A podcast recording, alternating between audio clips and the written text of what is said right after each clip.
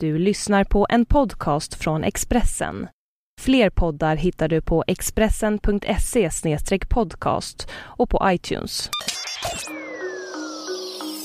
Det här är Expressen Dokument om att Stasi spökar i det tyska valet av Mats Larsson, som jag, Johan Bengtsson, läser upp. Den nya säsongen av tv-serien Weissense har precis börjat sändas på tysk tv den här veckan. Den utspelar sig i det forna Östtyskland på 1980-talet och visar bland annat hur vardagen med säkerhetstjänsten Stasi såg ut. Det har snart gått 23 år sedan DDR upplöstes och det finns inte många spår kvar av staten i dagens Tyskland. Men Stasi har spökat även i årets valkampanj.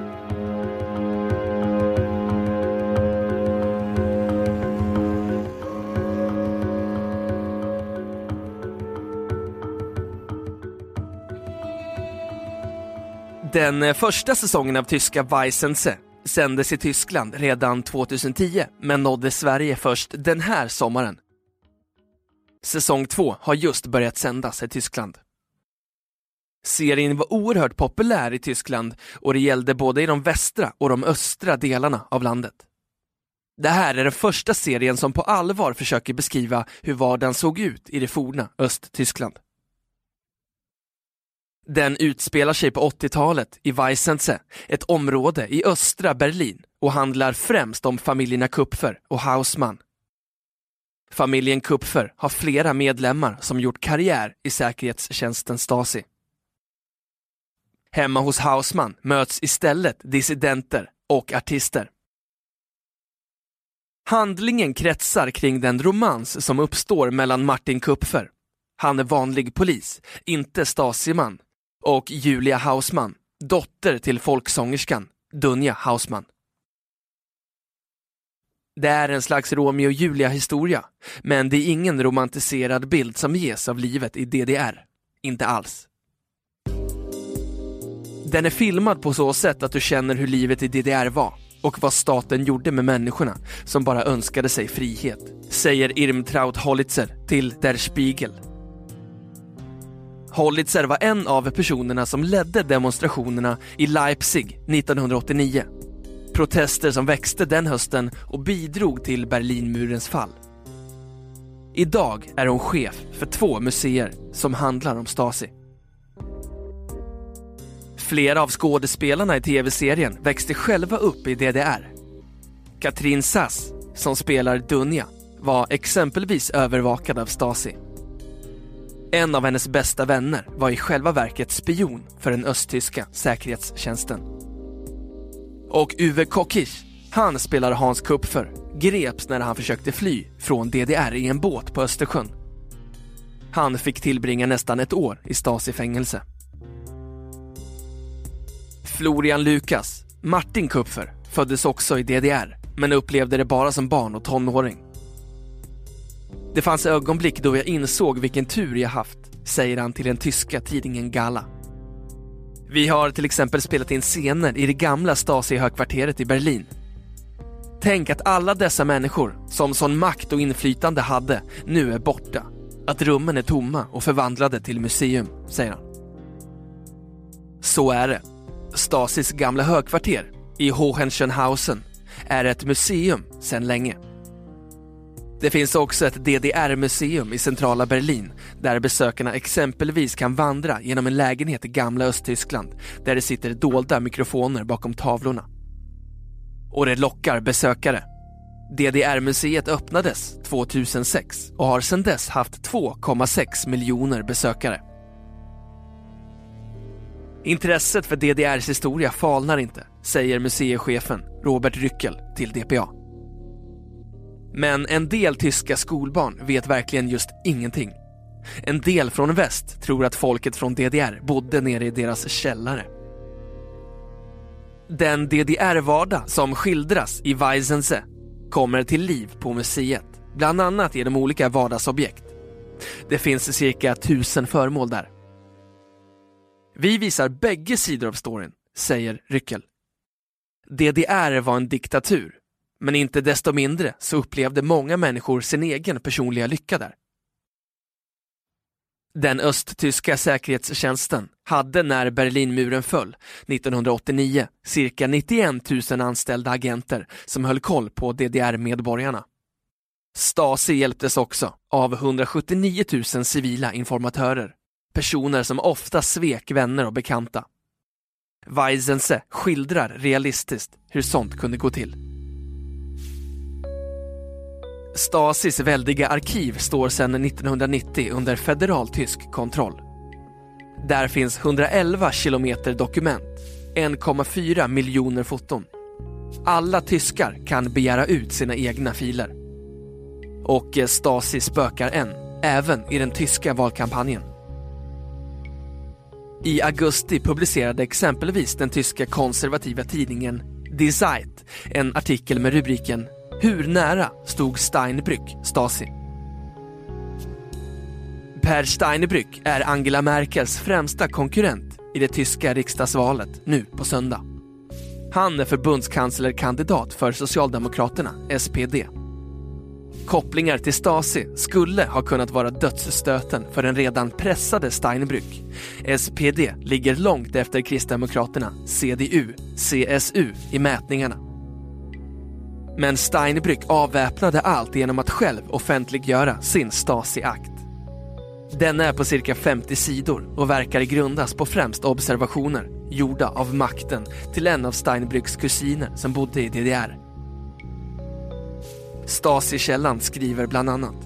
Han är helt klart en anhängare av den socialdemokrati som företräds av SPD i Västtyskland. Han tillbakavisar den verkliga, existerande socialism som finns i Östtyskland och han kallar det sovjetisk socialism.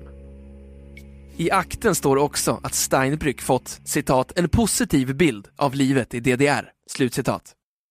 Han ska ha beskrivit det som ett tyst, behagligt liv utan den hets som finns i Västtyskland. Tyska medier har dock inte lyckats hetsa upp sig så mycket över det här. Och även Steinbrück själv verkar lite besviken över det magra innehållet i Stasi-filen. Jag lyckades inte hitta någon viktig information. Det enda jag lärde mig var vem som spionerade på mig i det där, sa han. Östtyskland har även spökat för förbundskansler Angela Merkel det här valåret. Hon är ju som bekant den första förbundskanslern som kommer från det forna DDR. Hon har alltid beskrivit sig som politiskt ointresserad under alla de östtyska åren. Hon utbildade sig till forskare och arbetade som fysiker fram till 89. Men i våras avslöjade journalisterna Günther Lachmann och Ralf Georg Reut i en ny biografi om Merkel att hon från åren 1978 till 1989 var sekreterare i ungkommunisterna, FDJs, agitation och propagandaavdelning vid Vetenskapsakademin i Berlin. Merkel har tidigare beskrivit sin roll vid FDJ som en slags kultursekreterare som organiserade bokträffar och liknande. Förre transportministern Günther Krause som också växte upp i DDR, säger dock till Der Spiegel att Merkels arbete innebar helt andra saker. Om du var sekreterare för agitation och propaganda så var du ansvarig för marxistisk hjärntvätt. Det var den avdelning som skulle fylla folks hjärnor med vad som helst man skulle tro på i DDR. Merkel kommenterade boken i våras med att hon bara kan förlita sig på sitt minne men om saker och ting var annorlunda så kan jag leva med det också, säger hon. Inte heller det här avslöjandet har dock spelat någon egentlig roll i valkampanjens slutspurt. Då fick Steinbrück mer problem när han i somras hävdade att eftersom Merkel kom från DDR så kunde hon inte känna samma passion för de europeiska frågorna som personer från västra Tyskland. Det fick han snabbt äta upp. Angela Merkel är för övrigt inte den enda toppolitikern med rötter i öst. Även Tysklands president Joachim Gauck, mest en ceremoniell post, är från det forna DDR. Det finns samtidigt de som menar att Tyskland så här 23 år efter återföreningen nu nått ett stadium där det är meningslöst att tala om östra tyskar och västra tyskar. Eller ossis och vessis som de ofta kallas. Journalisten Stefan Berg skrev exempelvis nyligen en essä på det temat i Der Spiegel. Så här hette det bland annat. De utmaningar som Tyskland står inför idag har sällan eller aldrig något med etiketterna öst och väst att göra. När det gäller finanspolitik så har öst mer gemensamt med Bayern i väst än med delstaten Mecklenburg-Vorpommern i nordöstra Tyskland. Ruhrområdet behöver en solidaritetspakt lika mycket som östra Tyskland behövde det 1990. Redan när Tyskland firade 20-årsdagen av murens fall 2009 visade mätningar att bland unga tyskar under 19 år så var det bara 11 procent som identifierade sig som tyskar från öst eller väst. Det är heller inte någon egentlig skillnad på exempelvis innehav av smarta telefoner eller platt-tv mellan de olika landsdelarna.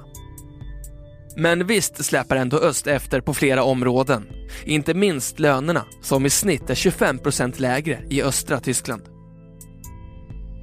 En färsk rapport från Hallein-institutets ekonomiska avdelning menade också att den sjunkande och allt äldre befolkningen i det forna östra Tyskland kommer att försena den dag då landet i praktiken har gemensam identitet. Men säkert är att det idag är svårt att se några fysiska spår efter det gamla DDR. Av Berlinmuren återstår exempelvis bara några korta sektioner, bevarade för eftervärlden. Den som vill uppleva DDR får gå på museum eller checka in på exempelvis Ostel, ett hotell i Berlin med östtyskt tema och möblering. Men det finns en plats där skillnaden mellan Öst och Västberlin fortfarande är synlig. Från den internationella rymdstationen. Astronauten Chris Hadfield tog tidigare i år en bild därifrån som tydligt visar var Berlinmuren gick. Fortfarande, 24 år efter murens fall, så har nämligen gatubelysningen i öst ett gulare sken än i väst.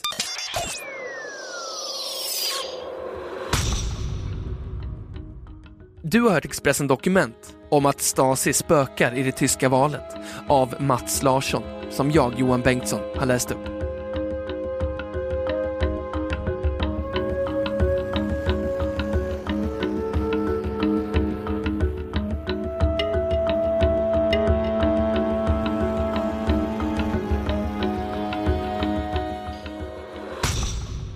Du har lyssnat på en podcast från Expressen.